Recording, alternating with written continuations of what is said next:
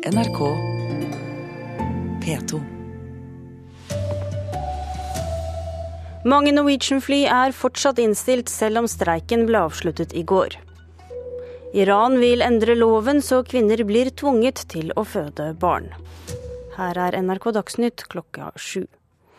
Fortsatt er de fleste innenlandsflyene til Norwegian innstilt et halvt døgn etter at streiken ble avblåst i går kveld. Ifølge selskapet skal trafikken nærme seg normalen utover ettermiddagen i dag. Reporter eh, Cato Christensen, du er på landets nest største flyplass, Flesland. Får Norwegian flyene til og fra Bergen på vingen i dag? Ja da, de gjør jo det. Det står en tre-fire fly her, men det tar jo litt tid eh, både med å få frem mannskap og klargjort disse flyene. Og Det første flyet fra Bergen det skal gå 13.05 til Malaga. Og når klokken er 15, så vil det da også gå fly til Oslo. Dette har jo eh, vært en periode hvor det har vært vanskelig å ta seg eh, over fjellet for alle som reiser Oslo-Bergen pga. at det bare er SAS som har trafikkert og fjelloverganger har vært stengt. Så det har vært litt brysomt. Men uansett, de som skal fly enten med Norwegian eller noen andre i dag, de får et nydelig flyvær fra Bergen. Hva sier passasjerer du har snakket med? Passasjerene til Norwegian er ennå ikke dukket opp, for folk er godt orientert. De er på nettsidene, og når første fly går klokken 13.05, så er det vel, eh, vel tidlig. De holder vel på å pakke kofferten, tenker jeg. Takk skal du ha, reporter Cato Christensen. Nesten annenhver spurte har mest sympati for Bjørn Kjos etter flygerstreiken i Norwegian. Det viser en spørreundersøkelse som Infact har gjort for VG kort tid etter at streiken ble avsluttet. Bare en drøy firedel av de spurte har mest sympati for flygerne som gikk til streik. Streiken ble altså avsluttet i går kveld etter elleve dager. Iran forbereder lovforslag som skal stimulere befolkningsveksten. Vokterrådet vil forby frivillig sterilisering, begrense tilgangen på prevensjon og stanse Irans familieplanleggingsprogram. Patricia Katé i Amnesty International sier iranske kvinner reagerer kraftig på lovforslagene.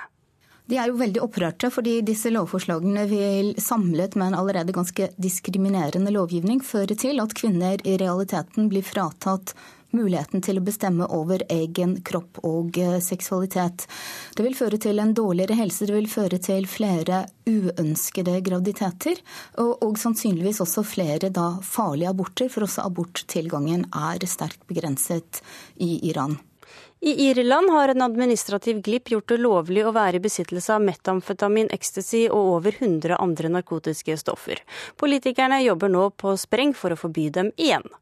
NRK Dagsnytt, Tonje Grimstad.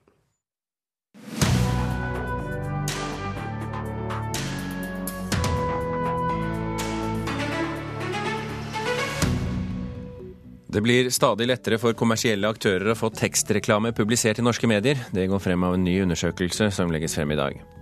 Marvin Gayes arvinger vant rettssak. Dette er nå dømt som plagiat.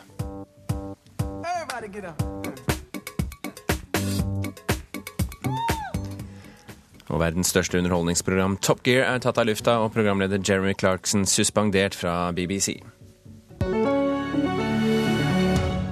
Du hører på Kulturnytt med Birger Kolsrud Jåsund i studio. Norsk journalistikk får stadig mer kommersielt innhold. Det går frem av en ny rapport. 40% av journalistene som blir spurt i undersøkelsen, sier mediene de jobber i, bruker langt mer ferdiglaget stoff fra kommersielle aktører enn for bare to år siden. Rapporten skiller mellom produktplassering, innholdsreklame, tekstreklame, annonser og ren journalistikk.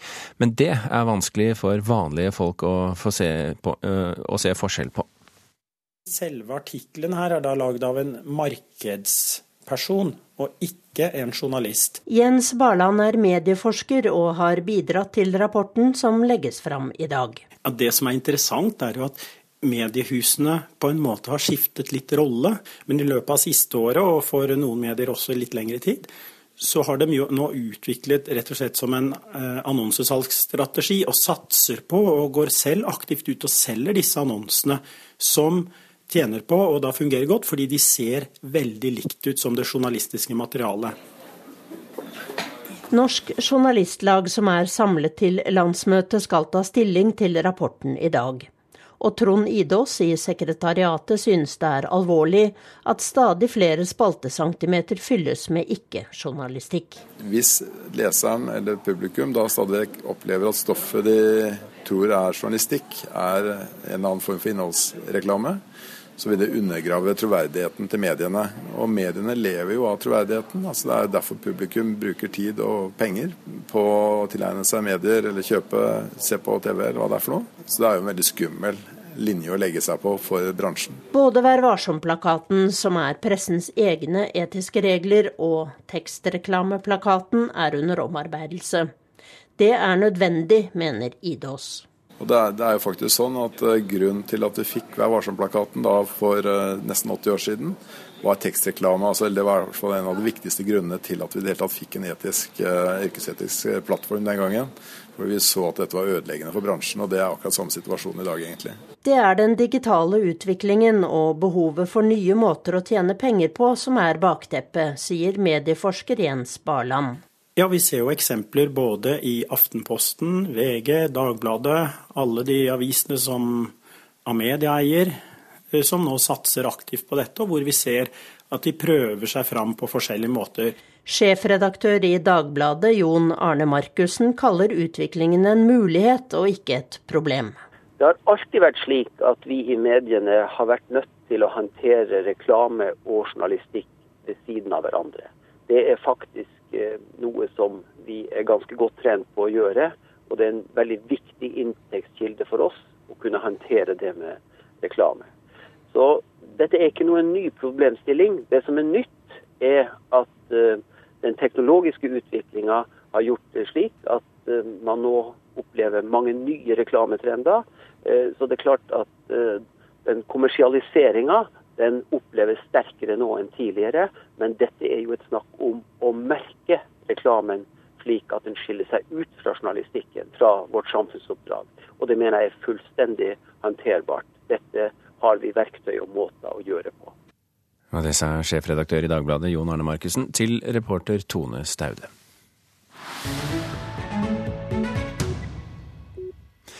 Kripos har mottatt ti tips etter at dusøren i Nygård-saken ble økt til to millioner kroner.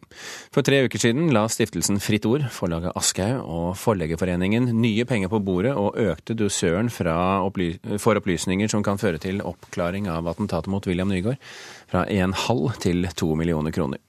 Attentatet mot Nygaard settes i sammenheng med at han som forlagssjef i Aschehoug ga ut boken 'Sataniske vers' av Salman Rushdie. Reinert eh, Ottesen er påtaleansvarlig for Kripos i saken.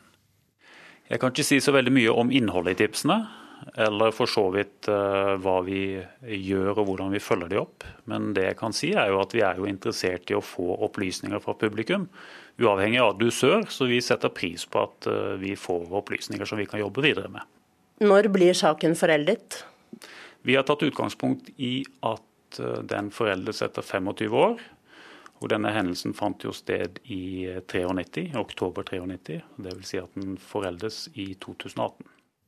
Og det sa Reinert Ottesen til reporter Tone Staude. Hiten Blurred Lines er et plagiat av Marvin Gayes låt Got To Give It Up. Det slo retten i Los Angeles fast i går kveld. Marvin Gayes arvinger vant dermed frem mot, eh, med sitt krav mot eh, artistene Robin Thicke og Pharrell Williams.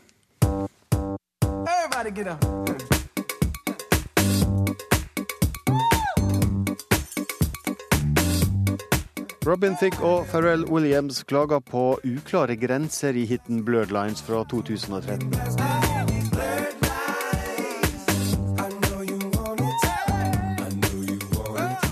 Men nå har retten i Los Angeles prøvd å gjøre ting litt klarere ved å si at sangen deres ligner litt for mye på Got To Give It Up av Marvin Gaye.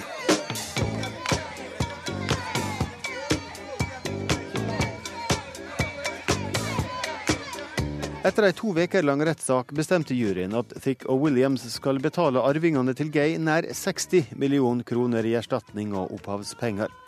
Dattera til Marvin Gaye, Nona, var glad, letta og rørt etter avgjørelsen. Right now, uh, I feel free, free from, uh, honestly, free from Pharrell Williams and Robin Thicke's chains and what they tried to keep on us and, and the lies that were told. But um, this, this was a miracle. Nona Gay mente det var et mirakel at de vant fram, men ifølge advokat Richard Bush var det Thick og William som starta saka ved å saksøke Gay-arvingene. The jury wasn't allowed to know this, but Pharrell Williams and Robin Thicke filed this lawsuit against my clients, against the gay family, for having the temerity to question whether Blurred Lines was an original song and whether it copied Got to Give It Up. Do it like it hurt, like it hurt. What you don't like work. Under rettssaka vedgikk Pharrell Williams at han hadde hørt mye på Marvin Gaye i oppveksten, men nekta for at han hadde kopiert musikken. I stedet prøvde han å gjenskape lyden av 70-tallet i Blurred Lines.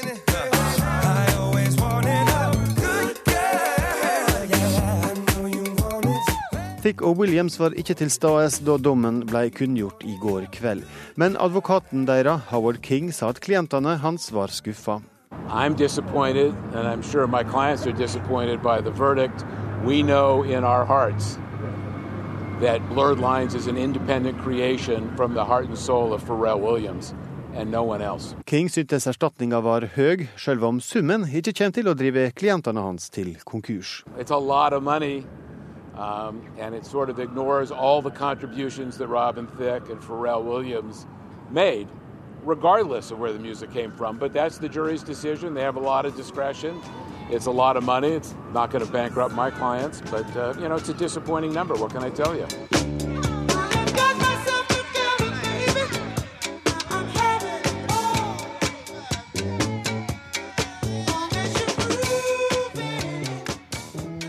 Gays arvinger hadde også saksøkt flere andre produsenter og artister, bl.a. rapperen TI, men disse ble frikjent fordi man ikke kan bevise at de har bidratt til plagiat. Reporter her, det var Espen Alnes.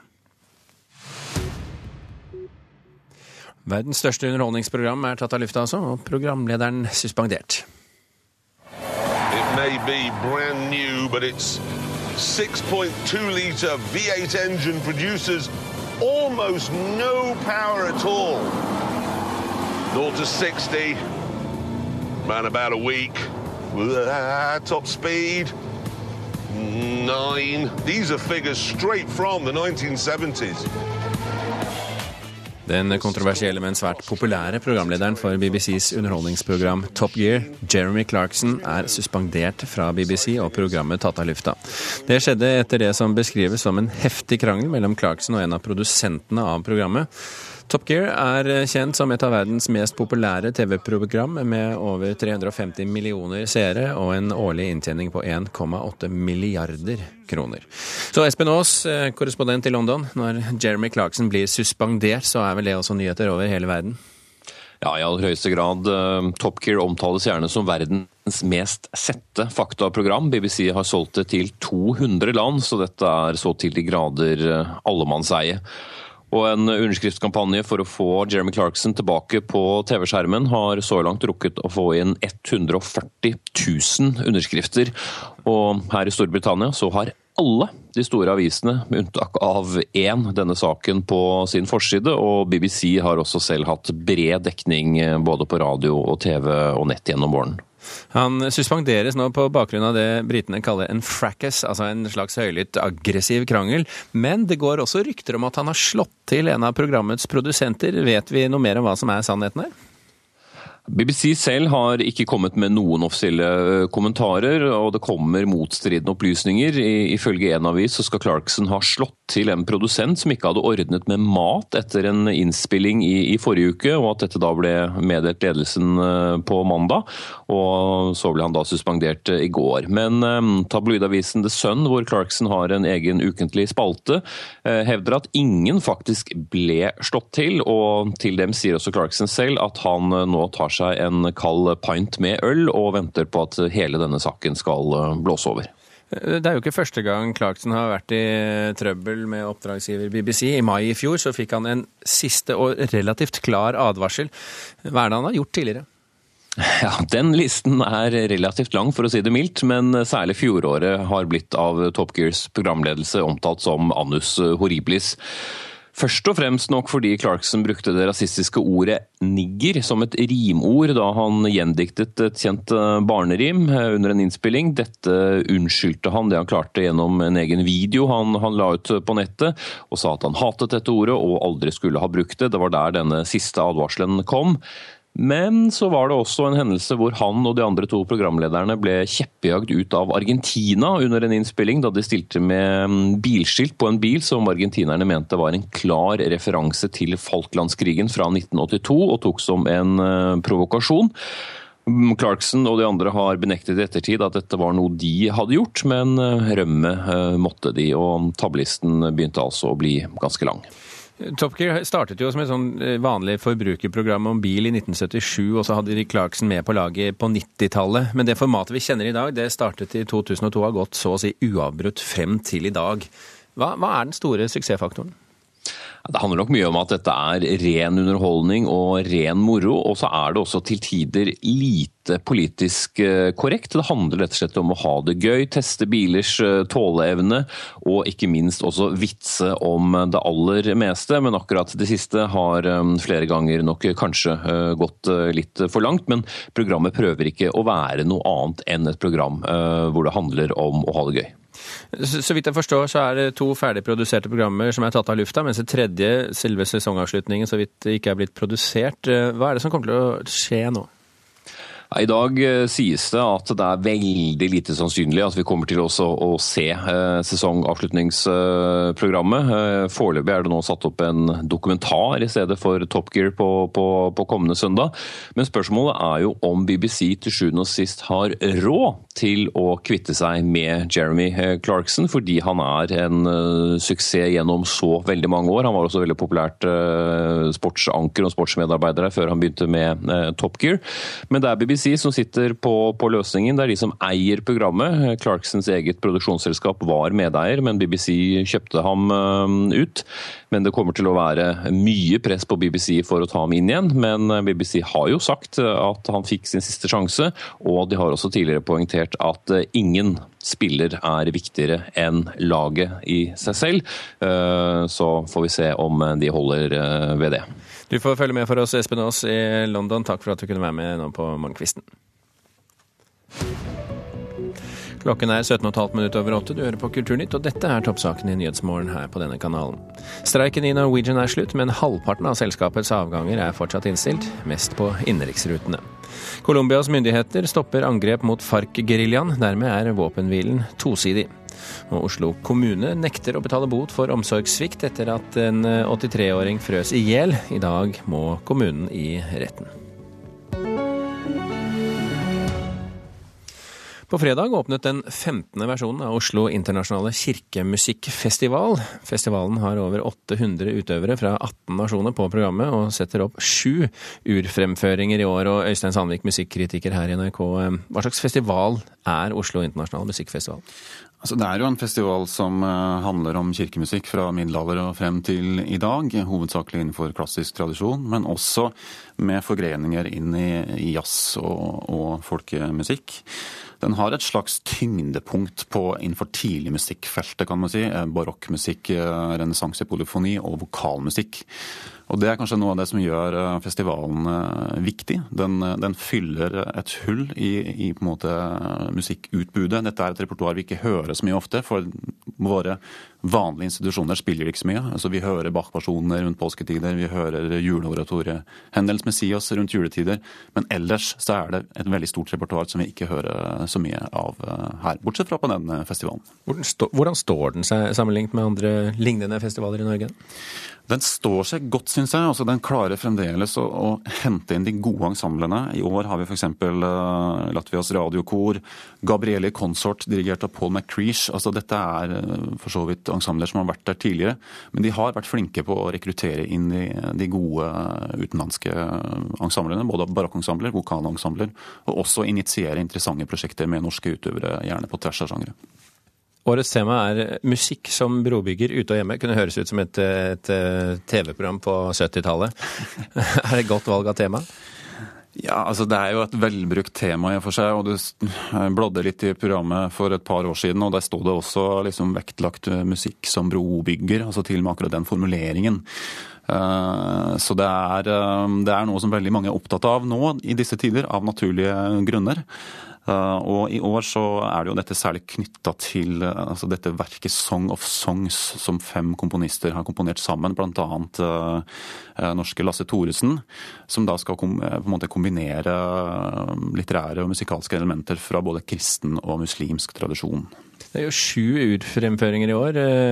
Et av dem skal vi høre nå. Det er 'Draumkvedet' i ny versjon av komponisten Martin Ødegaard.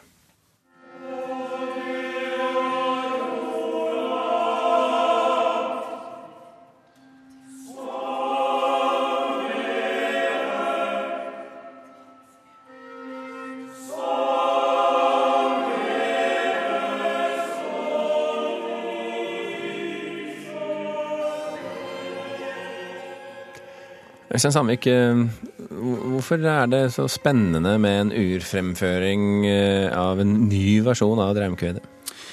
Ja, altså Dette er jo selvfølgelig et, eh, et, diktverk som har en helt spesiell posisjon i norsk kulturhistorie. Det er en muntlig tradert tekst og også muntlig tradert musikk som gjør at det er viktig å på en måte hele tida oppdatere dette. Og så er det jo også en veldig fargerik tekst da, som har fascinert eh, komponister eh, lenge. Og det har jo ikke skjedd noe sånn større løft egentlig siden 1994 med denne teateroppsetningen med musikk av Arne Norheim og regi av eh, Bårdson. Bårdsson. Men du var jo i gamle Aker kirke i går kveld der det var konsert. Hvordan var det? Ja, Til tross for en litt beskjeden lengde på dette, denne kommentaren, som Martin Ødegaard uh, kaller det, så var det et uh, ambisiøst verk som gjorde effektiv Hva, hva er beskjeden lengde?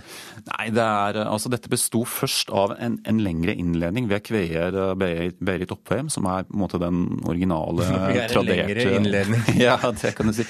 Det, det snakker en halvtime? Er det ja, vi snakker om en halvtime, faktisk. Ja, ja. Og så kom det da kanskje et kvarter, 20 minutter med, med Ødegårds kommentar etterpå.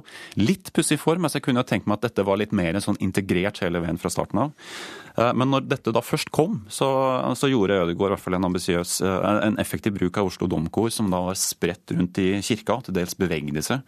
Vi hadde jo da, som sagt, eh, innbakt denne tradisjonelle kveingen fra Berit Oppheim, og litt sånn improvisert, til tider litt modernistisk hardingfelespill fra Vegard Vårdal, krydret med elektronikk på, på toppen. Eh, kanskje mer overveldende enn en gripende. Litt mye på en gang til tider, men allikevel eh, et sikkert grep om eh, apparatet fra Martin Ødegaards side. Takk, Øystein Sandvik, musikkanmelder her i NRK. Vi, vi kan runde av vi med litt Ødegaard fra hans kommentar om Draumkvedet.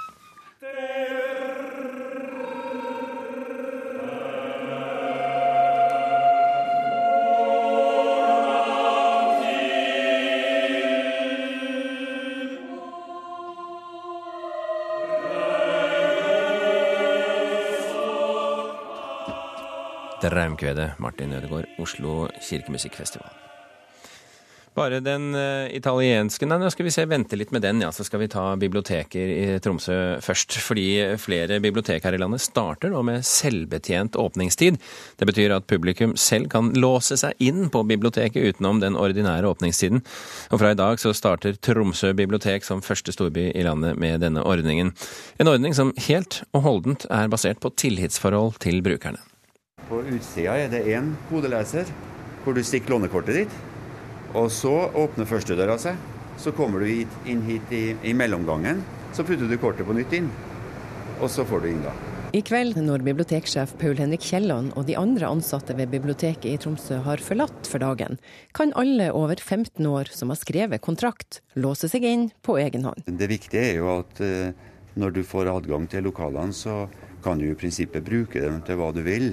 Men du må jo passe på at du rydder etter deg, og at uh, du ikke skader noen andre mens du er her. Det er sånne selvfølgeligheter. Ordninga med selvbetjent eller mer åpent bibliotek er fortsatt ny i Norge.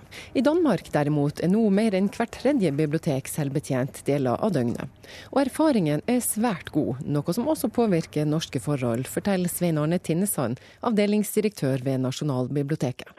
Det jeg har registrert, så er det vel en, en, en 20-30 selvbetjente eller meråpne bibliotek, som vi velger å kalle det. Men jeg har ennå ikke hørt noe negativt. De har holdt på noen år i Danmark, og de har stort sett bare gode erfaringer. Det er virkelig et tverrsnitt av befolkninga som besøker biblioteket. Og Da kan en jo kunne se for seg at mange ikke har like stor respekt for offentlig eiendom.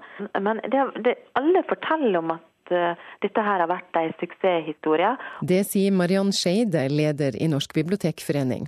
Og de ser svært positivt på selvbetjeninga. Det handler først og fremst for bibliotekene å være til stede når eh, vårt publikum og folk trenger å bruke oss. Dette gjør ikke at bibliotekaren er overflødig.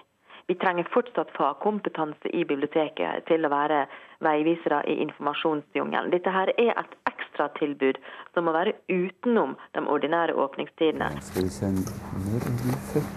I Tromsø har allerede et par hundre brukere registrert seg for å kunne gå både på hovedbiblioteket og bydelsfilialene når de vil. Målet er at biblioteket, som de siste årene har hatt rundt en halv million besøkende, skal få enda bedre lånetall. Og folk på biblioteket syns dette høres ut som ei bra ordning. Der har jeg meldt meg inn. Sånn akkurat nå så sitter vi og jobber med eksamen her, så vi kunne godt tenkt oss å sitte i litt uh, annen tida enn bare åpningstida. Kommer til å bruke det, ja. Reporter i Tromsø, det var Hege Irén Hansen.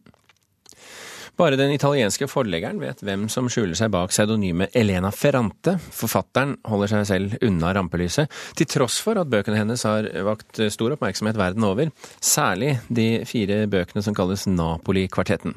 Og nå foreligger den første av kvartetten på norsk under tittelen Mi briljante venninne, og vår anmelder Leif Ekle er ganske enkelt begeistret. Elena Ferrantes Mi briljante venninne har en oversikt i starten av typen Disse personene er med, som om det kommer til å bli komplisert.